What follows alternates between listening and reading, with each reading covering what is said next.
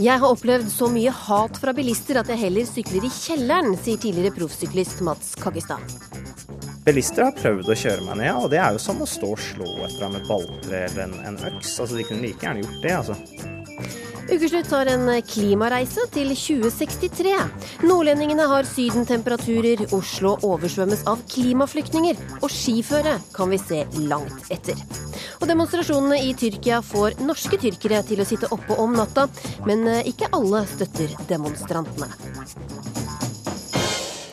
Dette er Ukeslutt i NRK P1 og P2 med Linn Beate Gabrielsen. Og nei da, vi har ikke glemt prinsessebryllupet i Sverige. Hvorfor har dere stilt opp så tidlig i fine nasjonaldrakter? Jo, man måste være her om man skal være lengst fram. Måste man jo være det. Så du er forberedt på å sitte her hele dagen? Ja, ja, naturligvis. Hvorfor vil du se Madeleine i dag? Nei, men Jeg har alltid villet være med. Jeg var med når Victoria og eh, Daniel gifte seg også. Og da traff jeg Andrea her. Hun, hun og jeg var her først. Hun er fra Tyskland. Du er fra Tyskland. Why do you have a Swedish costume today? Because I love Sweden. I love the royal family and I love Sweden and so I thought I will make um, a dress and uh, Monday I finished it. and you will be staying here all day to see the uh, the couple when they come out. Yes, yes, yes, yes. Ja, det er flere som har eh, sommerfugler i magen i Stockholm i dag, når eh, prinsesse Madeleine og hennes Christopher O'Neill får hverandre i Slottskirken eh, like etter klokken 16 i dag. Og litt senere i sendinga skal vi tilbake til bryllupet og høre blant annet at dette prinsessebryllupet har alt Hollywood drømmer om. Men først til eh, folk som ikke kan eh, utstå hverandre. Denne uka startet eh, rettssaken mot en kvinnelig bilist som innrømmer at hun fulgte etter og kjørte på en syklist med vilje. At det var hat i lufta da dette skjedde er det liten tvil om, men hater bilister og syklister hverandre sånn generelt? Ukeslutts reporter Kari Li ble sendt ut for å lodde stemninga i rushtrafikken. Om jeg tuter på en syklist eller viser fingeren eller hva jeg gjør, det tillater ikke han å ødelegge bilen min. Hver dag pågår det et kappløp på veiene inn mot Oslo. En krig hvor det meste er tillatt. Jeg blir irritert når, eh, når de kjører på rødt. Taxisjåfør Farouk slipper ikke syklister forbi. Jeg Er litt slem mot ham, kanskje jeg presser han litt av veien? Ja, det hender. Og syklistene tar igjen. Så Da må du stoppe og smelle hardt i bilen med hånda. Flat hånd. Da kommer de fort ut. Da blir de illsinte. Og så begynner folk å samle seg rundt taxien og jage han bort. Så det har vel sin naturlige måte å ordne seg i et bymiljø. Men av og til løser det seg ikke. En kvinne i 20-åra møtte denne uka i retten tiltalt for å ha meid ned en syklist med vilje fordi han hadde ødelagt sidespeilet på bilen hennes. Ifølge vitner rusa hun bilen før det smalt. Bilister har prøvd å kjøre meg ned, og det er jo som å stå og slå etter ham med et balltre eller en, en, øks. Altså, De kunne like gjerne gjort det, altså. Tidligere proffsyklist Mats Kaggestad er i kjelleren i blokka der han bor. Det er jo selvfølgelig mye rot, sånn som det skal være i I en liten, mørk bod har han treningsstudio. Her uh, er uh, trimsykkelen min, som jeg da sykler med hvis jeg ikke har lyst til å sykle ute. Mats Kaggestad sykla 30 000 landeveiskilometer i året da han var aktiv. Det provoserte. Jeg var 14 år gammel når det skjedde første gang. altså Da var jeg en liten gutt. Og så kommer det da en voksen mann ut og tar tak i deg og fillerister deg fordi at han syns du bruker plass i veien. Eh, og, og, og, Hva gjorde han med deg? Liksom? Nei, altså Han tok jo tak i kragen min og spurte om jeg skulle ha bank og sånne ting. Og det er klart, Da må du bare legge deg helt flat. Den ampre stemninga på veien har ødelagt mye av gleden hos Kaggestad. Så jeg har ikke mista gleden av å sykle, men jeg har mista litt gleden av å sykle ute på landeveien eh, her i Oslo og Akershus-området. For det er, det, er, så mye biler, eh, og det er veldig smale veier. Eh, og mange har veldig dårlig tid. Meg er viktigst, og det blir på en måte litt sånn krig ute på veien om plassen. Eh, hvis vi kjører her nå, så kan det hende plutselig så hopper han ut på veien. Etter at en syklist ødela speilet på bilen hans, er Farouk alltid på vakt. Når fienden nærmer seg bakfra, er han rask. Da sperrer jeg sånn, jeg. Sånn, Da kommer ikke han forbi. Nå kommer han ikke forbi. Du kjører helt inntil fortauet? Ja, da kommer han ikke forbi. Da må han rundt her og gjøre, og det tør han kanskje ikke.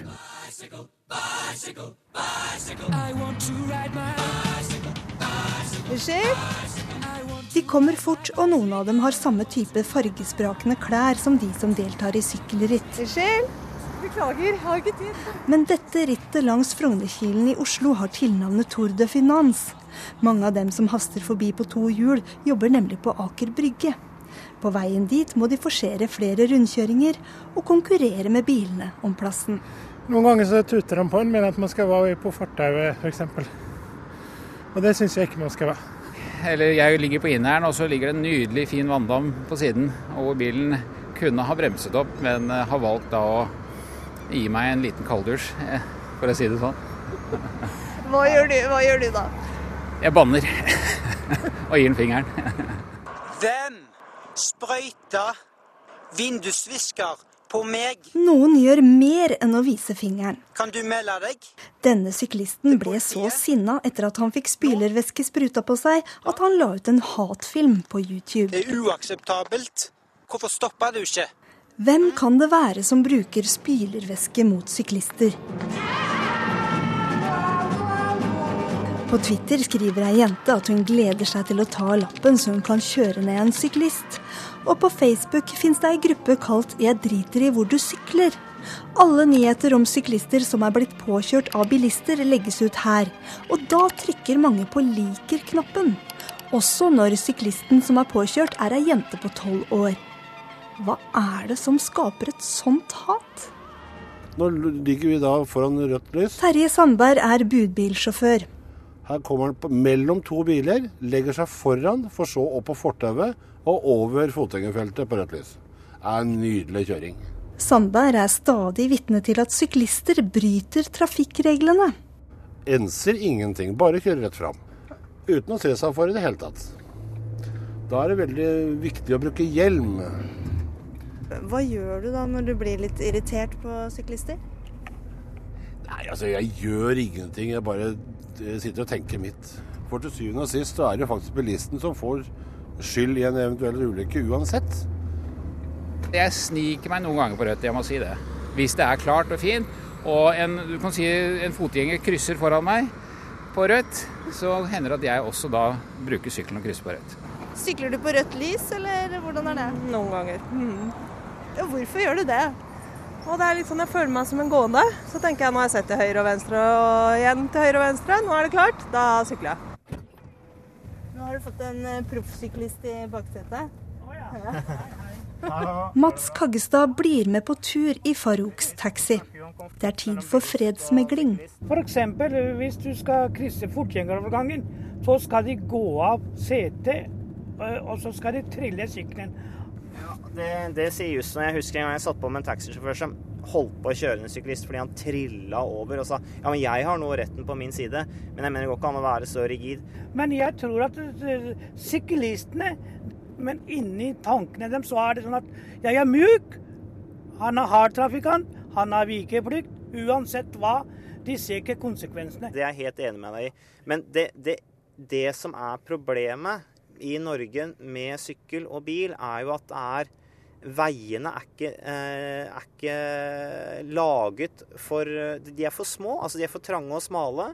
Eh, det er ikke tilrettelagt for, for syklister i stor nok grad.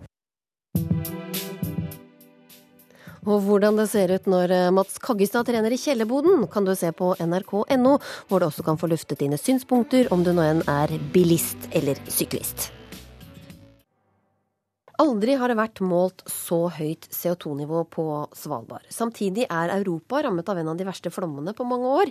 Og vi er alle klimafornektere, sa franskmannen Bruno Latour da han fikk Holbergprisen tirsdag.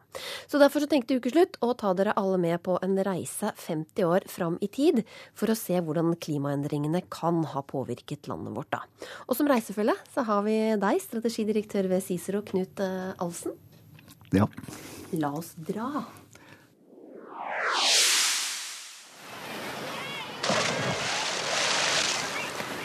Står vi her, da, ved Ishavskatedralen i Tromsø. Året er 2063.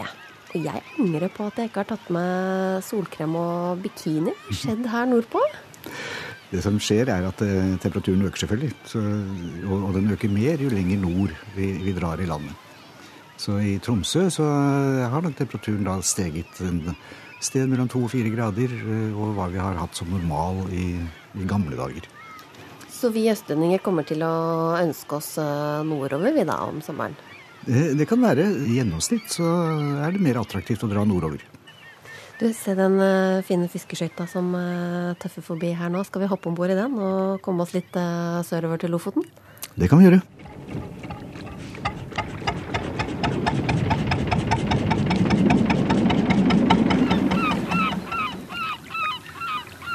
Nå står vi her på brygga i henningsvær med rorbuene bak oss og havet foran oss. Og det er vakkert her i 2063 også.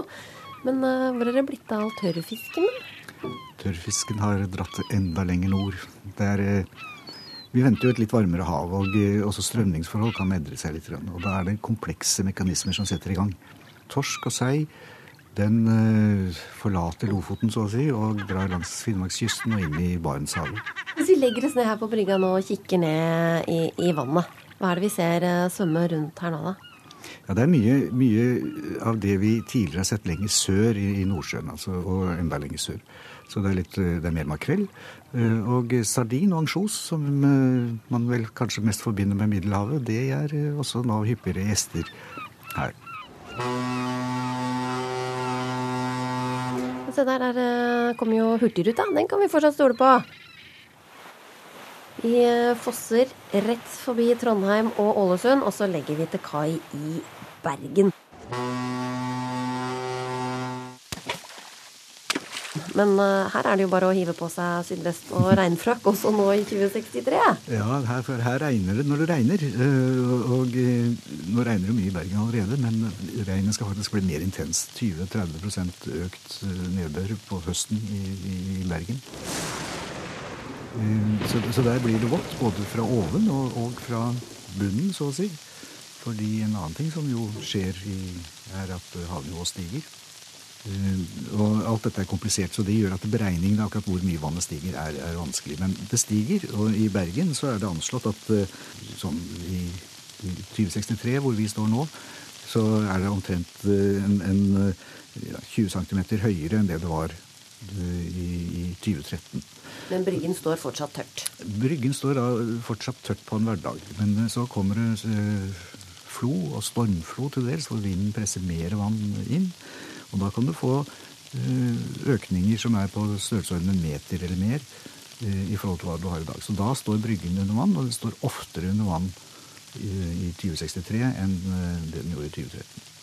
Men du, nå begynner jeg å bli lei av alt dette regnværet. Helikopteret vårt det står klart oppe på, på fløyen. Skal vi gå om bord? Ja, la oss gjøre det. Hvordan ser det ut da når vi titter nedover Hardangervidda og, og fjellheimen? Hardangerbroa står fortsatt for havet. Og vakkert er det jo fremdeles, men det er altså grønnere enn det har vært tidligere. Er, skogen trekker opp etter fjellsidene. Mm. Men skal vi ta oss en liten stopp da på den fine fjellhytta vår med den nydelige utsikten? Ja, den var nok nydelig den gangen i 2013, hvor du kunne skue innover fjellviddene. Nå kan det hende at du må ut og tynne kvist, og kanskje ikke ser så mye annet enn skog rundt hytta. Og det er jo Ja, det blir en litt annen type hytte. I skogshytta. skogshytta. Men uh, ta en titt i boden.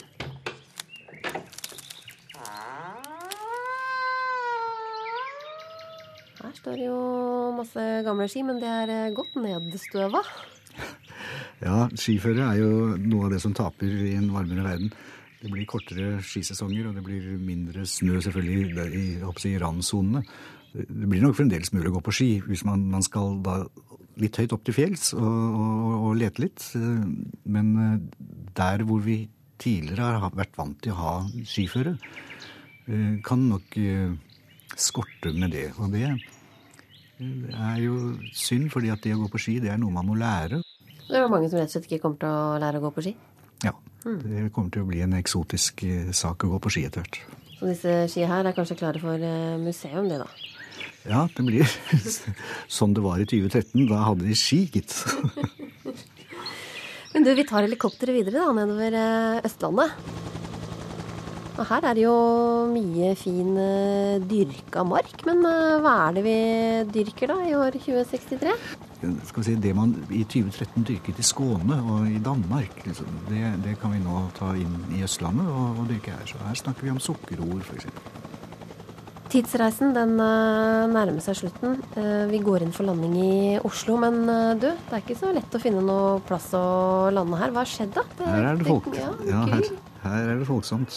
Her er det, det er to og en halv million mennesker på et lite område, så det er, det er trangt. Men hvor kommer alle disse menneskene fra, og hva har de opplevd? De kommer sydfra, eh, og eh, det meste i Sør-Europa og Nord-Afrika, hvor det jo ikke er vann igjen. Og det er eh, varme hetebølger, så det, er, så det holder. Så det er nesten ikke beboelig der. I tillegg så har det jo folk i Mellom-Europa som opplever stadig hyppigere og større flommer. Og eh, det er store områder som etter hvert blir vanskelig å bo på, hvor det tidligere lå byer. Og eh, de må jo da flytte. Nei, vet du hva, jeg syns ikke det var så veldig hyggelig her i 2063. Kan vi ikke spole tilbake til 2013? Altså, så store forandringer på bare 50 år. Altså, jeg, jeg klarer nesten ikke tro på det. Nei, og vi har jo Vi ser det nesten år for år. Altså, temperaturen er, er ikke, stiger ikke så jevnt, men, men endringer i naturen går ganske jevnt. Men kan vi gjøre noe nå? Å, ja. Eller er det for sent? Det er for sent å unngå endring. Eh, absolutt. Vi ser jo endringene allerede eh, i 2013. Eh, så, så vi må tilpasse oss og, og forberede oss på de endringene vi, vi tror, men vi kan unngå de verste utslagene hvis vi legger om vår måte å leve på. Og det er jo innmari vanskelig. Det er den største utfordringa. Tusen takk for uh, turen. Vel bekomme. Demonstrasjonene på Taksimplassen i Istanbul fortsetter. Frustrasjonen er stor over statsminister Erdogans autoritære lederstil. Også tyrkere her i Norge sitter oppe til langt på natt for å følge med på det som skjer. Ukeslutts reporter Thea Ness Rabe møtte en av dem. Hei. Hei. Kommer dere fra Tyrkia? Jeg har tatt turen til ekte Istanbul kebab nederst i Trondheimsveien i Oslo. Her møter jeg Baki Karakuk, som er tyrkisk, og han har fulgt nøye med på opptøyene som har preget Tyrkia i det siste. Jeg mener personlig dette er en slags en liten en forsøk på en kupp mot Erdogan, og er ikke, den er blitt mislykket.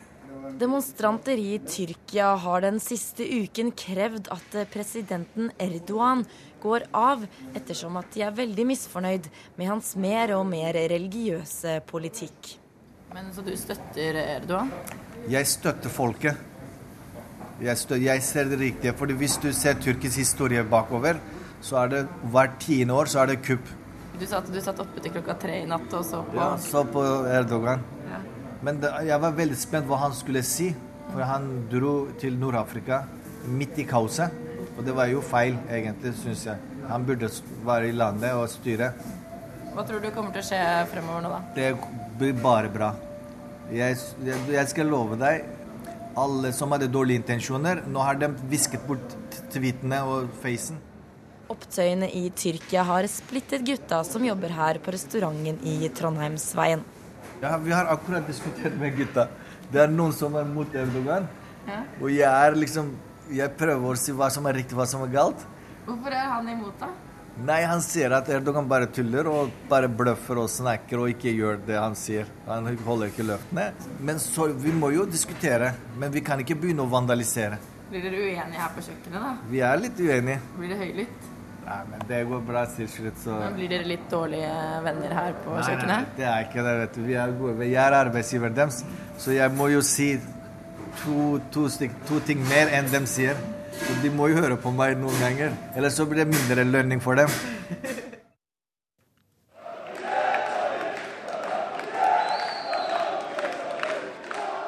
Det er natt her i Istanbul. Like nedenfor Taksimplassen står en barrikade bygd opp av et utbrent bilvrak, skrapmetall og gjerdestolper. Oppe på denne barrikaden står en ung mann i T-skjorte med todagersskjegg og munnbind. Han prøver å dirigere og forklare, mens en annen gruppe kommer ropende med slagord mot statsminister Tayyip Erdogan. Slagord av en karakter som ikke egner seg særlig godt i offentlig kringkasting. Den unge mannen på barrikaden heter Jim. Um, I um, just to be here. And why do we do this? I think the um, easiest way to answer this question is um, we, I was born in uh, Europe, born and raised in Europe in Germany. And there we learned what it is to, um, to, to live in a real democracy. Jeg reiste fra Tyskland lørdag, og den letteste måten å forklare hvorfor jeg er her, er som følger. Jeg er født og oppvokst i Tyskland. Foreldrene mine kommer fra Tyrkia. I Tyskland ser vi hva et ekte demokrati er. Det er ikke det vi har her i Tyrkia. The police said uh, if nobody attacks them, that they don't uh, that they don't want to do anything. But uh, nobody did anything to the police, and they started with the uh, water. Politiet sa de ikke ville gjøre noe hvis de ikke ble angrepet. Men ingen gjorde noe, og de begynte med vannet sitt, forklarer han, og mener vannkanonene som de spyler gatene for demonstranter med. Etterpå kom tåregass, og også lydbomber, forteller han. Yeah, after this, they said that the uh, vehicle stopped at the second barricade, and it is still there. Politiets voldsbruk har sjokkert mange tyrkere, og enda mer har det sjokkert Jim. Han er ikke vant til dette. Han er født og oppvokst i Tyskland. Hjemme i Tyskland er han elektroingeniør og allerede i gang med en masterutdanning. Foreldrene hans kommer fra Anatolia, den asiatiske delen av Tyrkia som er mer konservativ. Han forteller at mange familiemedlemmer ikke forstår hva som foregår på Taksim. Han sier de tror det bare er pøbelstreker. For han er det derimot en kamp for demokratiet. Og sier at Europa ikke ble demokratisk fra den ene dagen til den neste. Mange mennesker døde for å leve fritt. I can't change the whole system here by myself, but if thousands of people think like me, perhaps then we can change something. Jeg kan ikke forandre hele systemet alene, men hvis tusenvis tenker som meg, da kan vi kanskje forandre noe, sier han.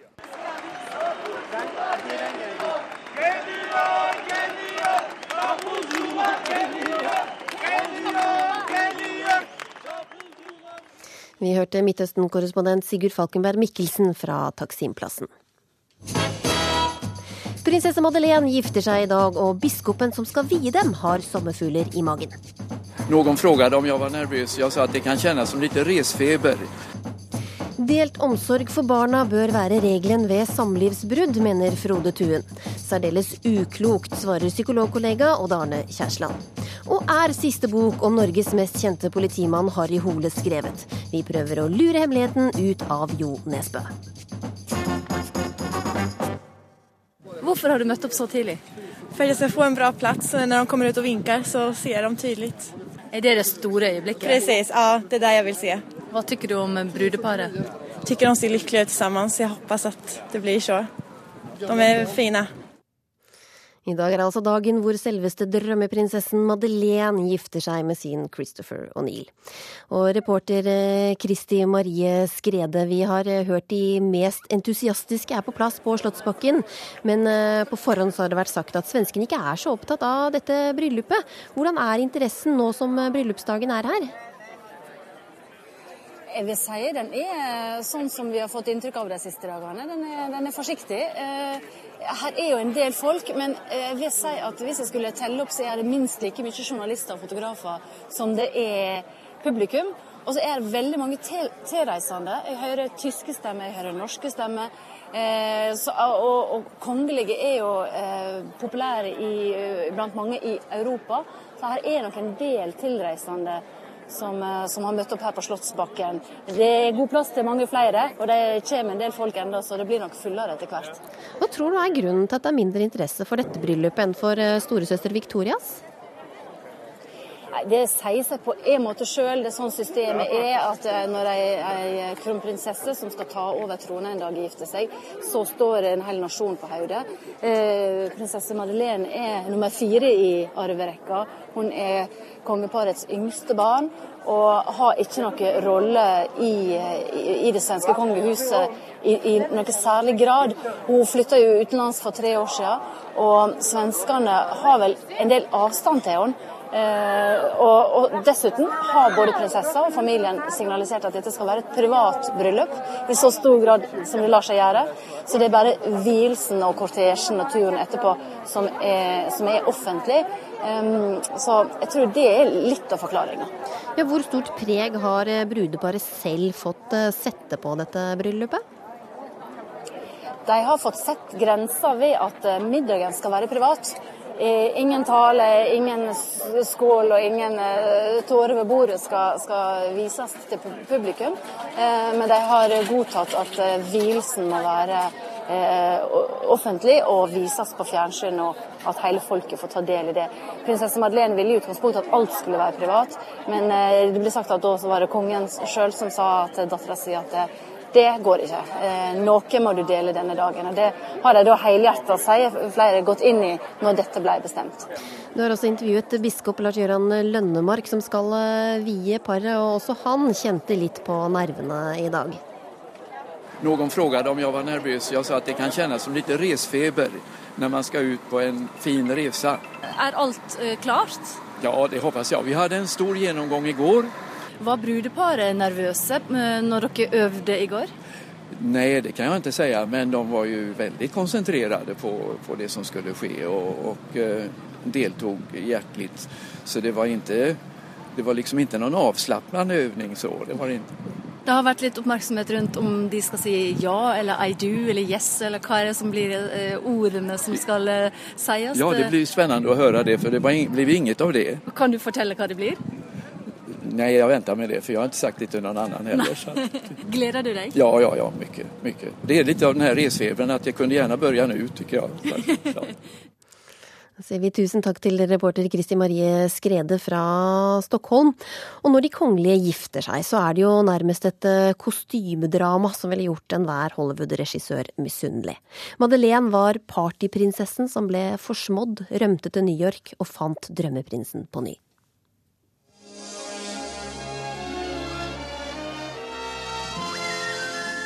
I dag er jeg og Chris mye glade over å kunne berette at vi har forlovet oss. Once there was a princess. Was the princess you? And she fell in love. Was it hard to do?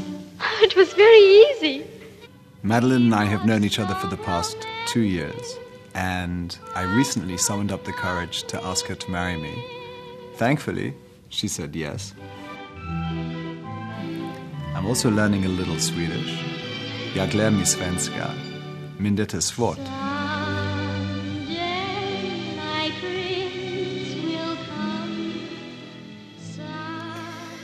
Filmekspert Berita Møystad, du har gledet deg til bryllupet denne uka. Du kjente litt på det allerede da du så TV-traileren? Jeg gjorde det. det var, jeg fikk litt klump i halsen, og det er ikke nødvendigvis fordi jeg er eh, monarkist eller noe. Det var bare en sånn å, endelig. Å, en ny episode, så koselig, og så slutter den kanskje lykkelig. Det var mer en sånn ting. Hollywood har jo lagd filmer av tynnere suppe enn dette før. Hvor, hvor godt er dette plottet? Dette dette er veldig, veldig godt. Det interessante er jo at det, det stort sett er jo jenter. Dette handler om jenter som er prinsesser og som får en prins. Det er aldri omvendt. Det er aldri en gutt som går rundt og drømmer om å bli prins. Det er jo ikke sånn. Men alle disse jentene må lutres først. De må gjennom grusomme prøvelser. Uh, før de får lov til å bli prinsesser. Enten at de er prinsesse fra fødselen av, og så må de leve i fattigdom og elende, sånn som Snøhvit eller Askepott og sånn. Uh, uh, eller de blir reddet og, og hentet opp av drømmeprinsen. og dette har vi jo holdt på med. Disney har jo gjort dette siden de begynte å lage film. og så var det borte en liten stund, og så har det kommet tilbake igjen som en sånn slags Mer en amerikansk drøm enn en europeisk, fordi for oss er det jo ikke noen grunn til at det det er jo ikke noe hinder at det prinser og, eller prinsesser gifter seg med vanlige mennesker. Så noe av magien ble kanskje litt borte da. Men Hollywood elsker jo den forestillingen at det, Du kan bli hvem som helst. Du kan gifte deg med hvem som helst. Du kan også bli prinsesse. Og nå kan nesten en amerikaner også bli en uh, Prinsesse. prins. ja. Um, Angsagaen hans var jo fantastisk. Han har jo den avslepende, litt britiske, snobbete aksenten. Fabelaktig. Og Chris O'Neill han, han, har holdt en uh, lav profil og ikke vil han ha noen kongelig tittel, men han kjørte da åpen vogn for uh, første gang på nasjonaldagen torsdag og fikk liksom testa vinkehanda. Hvordan fyller han rollen som uh, drømmeprins? nei, I dette tilfellet her, sånn rent dramaturgisk, så skal ikke han være playboyen eller noe. Han er den som liksom tar imot henne. Han er, han er, han er Colin Firth. Ja, han er den som endelig forstår henne og, og, og, passer på henne etter at hun har vært gjennom dette grusomme, forferdelige mennesket som da var eh, Jonas eh, Bergstrøm, eh, som jeg forestiller meg blir spilt av eh, Bradley Cooper. Altså litt kjekk, men litt slesk. Og du skjønner at det er noe galt. Mm. Eh, eller kanskje eh, Chris kan være Robert Pattinson, jeg er ikke helt sikker på om han er for unge. Men hvis vi skal selge det til tenåringene, så må han være litt yngre. Mm. Mm. han, han, kapret jo hjertet hennes ved å donere penger anonymt til dronning Silvias fond eh, Childhood. Kunne Jonas gjort noe slikt? jeg vet ikke om Jonas hadde 700 000 kroner å gi bort, jeg. han delte jo ville med kroppen sin, men eh, nei. Jeg, mm, det var, nei, det er det også at han har Om det var til henne, eller at han forsto at denne stiftelsen fantes, og han er en god og snill mann, og, og, og tydelig heteroseksuell og kommer til å bli en god far.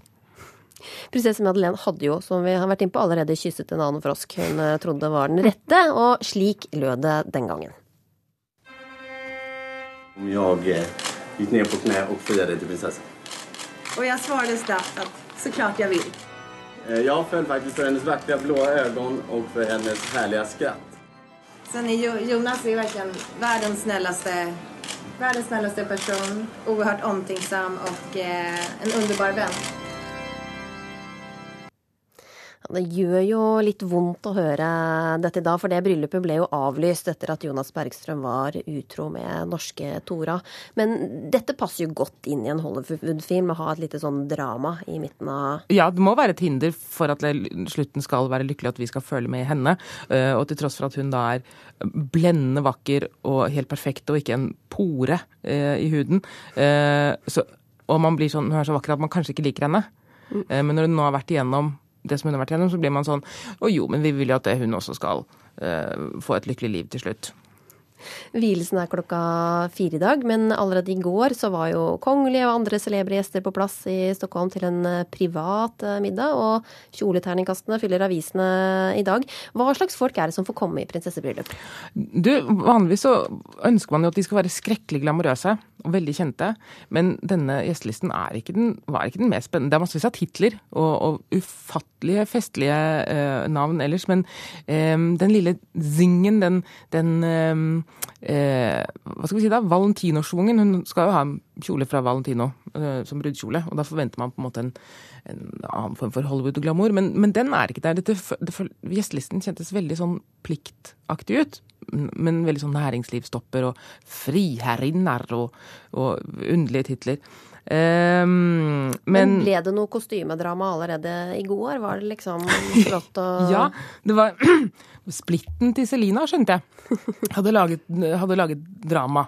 Uh, men VG kunne fortelle at det hun hadde Hun balanserte den asymmetriske splitten med å ha løst hår på den andre siden av splitten. Og da blir man sånn, Hva slags bilder er det de har sendt ut? Hva, hva løst hår i splitten? Det vil man jo ikke vite noe om.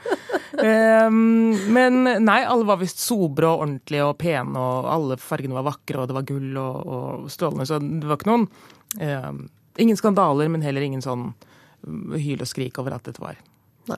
Og kort til slutt, blir mm. dette en historie med happy ending, tror vi? Ja, hun må, hun må bli gravid og få et vakkert barn. Tusen takk skal du ha, Brita Møystad. Og selve bryllupet det kan du se på NRK1 fra klokka 15.30.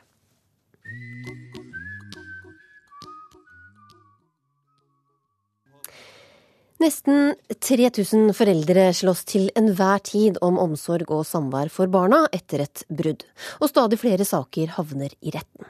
Fem fedre fortalte i dag sin historie i radiodokumentaren på P2. Hun ville ha barna fordi hun var mor. Det var hennes argument.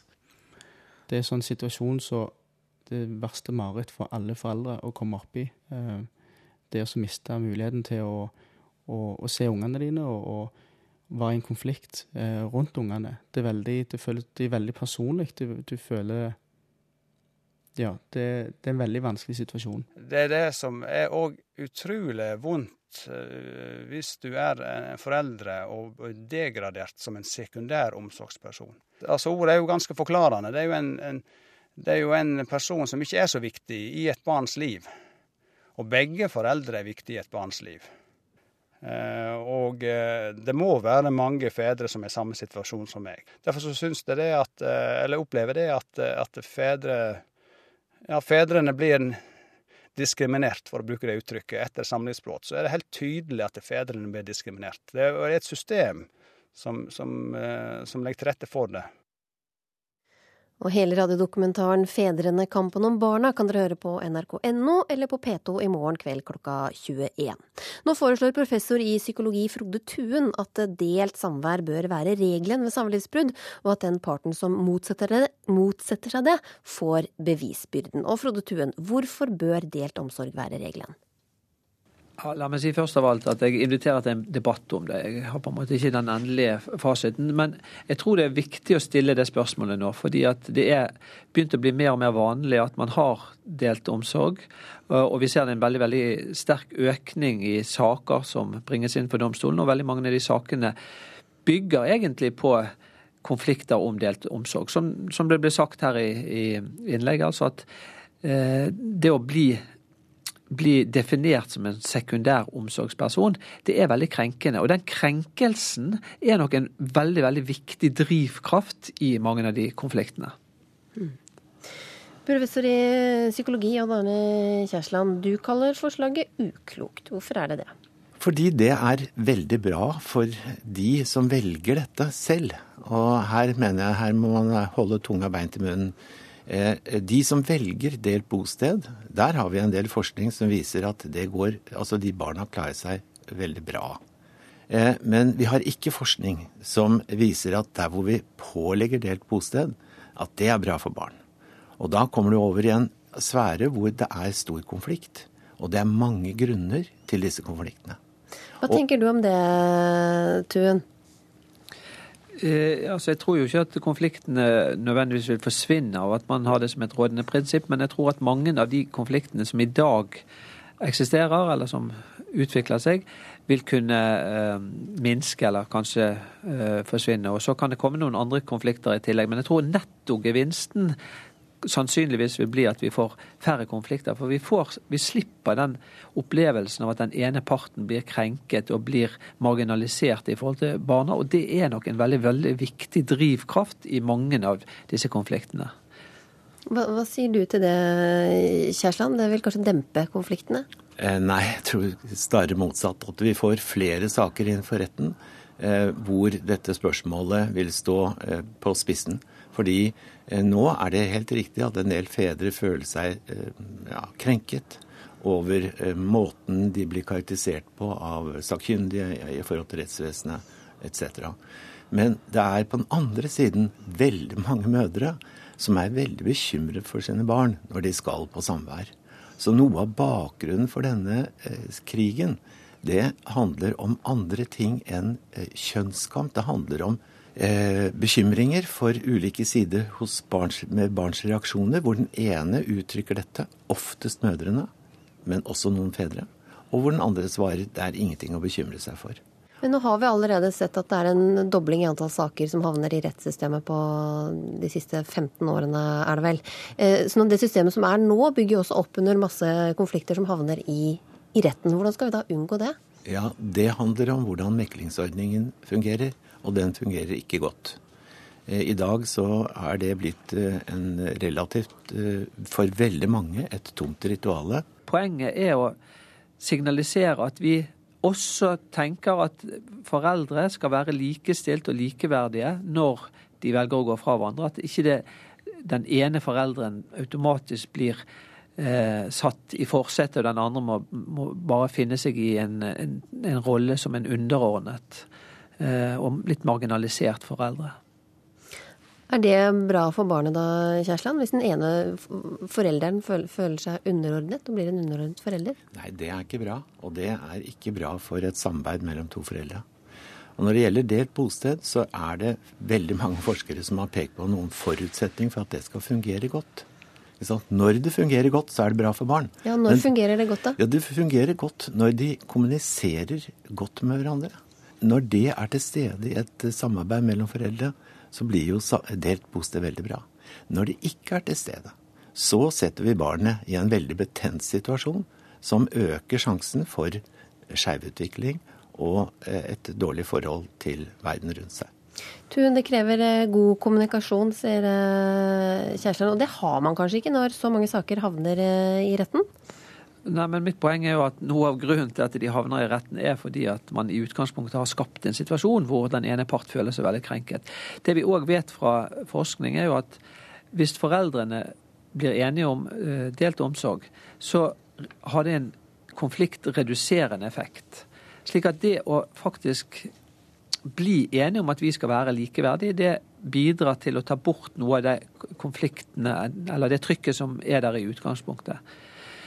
Og vi vet at de barna som lever i, under delt omsorg, jevnt over klarer seg noe bedre enn de som bare lever med mor eller bare lever med far. Sånn at det, det er gode argumenter for å, for å begynne å tenke nytt i forhold til disse sakene. Nettopp for å redusere konfliktene og bedre barns oppvekstmuligheter når de ikke lever sammen med både mor og far sammen. Men vi har også andre undersøkelser internasjonalt på tidlig 90-tall som viste at der hvor det var det, Men vi har få av dem. Veldig få. Men noen få eh, peker i den retning at der hvor du pålegger delt eh, bosted, så øker eh, det et, Så lager du et dårlig tilpasningsklima for barn. Dette har vi venta på lenge. ja, nei, jeg må jo få med denne boka. Nå har jeg gleda meg lenge. Jeg har ligget våken de siste to nettene og lest de siste to bøkene. Skal du ligge våken i natt og lese? Ja, det er vel stor fare for det. Jeg håper ikke dette er siste boka. Jeg håper ikke det er slutt. Vi venter i spenning. Kommer du til å kikke litt på siste siden for å sjekke? Jeg tror det. Ja, folk sto i kø for å få et eksemplar av den tiende boka om Harry Hole, som ble lansert denne uka. Og på to dager var 270 000 bøker revet bort. Politi heter boka, og forfatteren Jo Nesbø trenger vel neppe nærmere introduksjon. Men eh, det mange lurer på, da, er om det kommer enda en bok om den litt eh, smådeppa og dystre politimannen, som gjør stort sett akkurat som han vil. Ukeslutts reporter Sara Victoria Rygg prøvde å lure Jo Nesbø til å avsløre hemmeligheten virkeligheten. Jeg lever jo ikke med Harry som karakter, at han er virkelig for meg på noen slags måte. Det er ikke sånn at jeg ser Harry ute på gata når jeg er ute og går. Det var det enda godt. For etter 16 år med Harry Hole, den lett alkoholiserte, ganske triste politimannen med trøbbel i kjærlighetslivet, kunne det kanskje blitt litt i overkant mye for Jo Nesbø, skaperen av Harry. Han er en uh, fyr jeg har funnet opp, og uh, når han har uh, tjent sin funksjon som uh, fiktiv karakter, så, så, skal jeg skrive noe annet. Nå høres det ut som jeg har en veldig sånn distansert, uh, følelsesløst forhold til det. Og det, det er ikke tilfellet når jeg er der. Men det er et sånn rom som jeg kan gå inn i, og da er jeg kompisen til Harry, og da er jeg der. Men når jeg går ut og lukker den døra, så er det, så er det en fortelling. Jeg blir jo litt sånn smådeppa når jeg leser om Harry Hole, for han er jo så jeg får bare lyst til å gi henne en klem og si at dette her går bra. Hvorfor skrev du den så, så trist? Jeg veit ikke. Det er eh, et eller annet med karakterer som har en eh, slags graviditet, som bare trekker dem eh, eh, Graviditet var vel var veldig dårlig ordvalg av en forfatter. Jeg mente å si eh, gravitet, men det var interessant. Det er, eh, nei, ikke gravid. hvor var vi? Hvorfor han er så mørk? Han er ikke gravid, da vet vi det. Ja. Hvorfor skriver han så mørk? Jeg tror det er for det er, det er en tyngdekraft. Mye bedre valg av ord. Veldig, veldig bra. Ja. Eh, jeg tror det er en tyngdekraft i, eh, i karakteren som, eh, som, gjør at det er umulig å gjøre Harry til noe annet enn det han er. Dersom du fremdeles ikke har lest den forrige boka til Jo Nesbø, 'Gjenferd', så må du nesten skru av radioen nå. Har du skrudd av? Bra. For avslutninga på boka endte slik at de fleste av oss tenkte takk for nå, Harry Hole. Kjipt av Jo Nesbø å drepe kompisen sin. Men så dukka det jammen opp ei bok til. Han er som a-ha, denne mannen, gjør stadig comeback.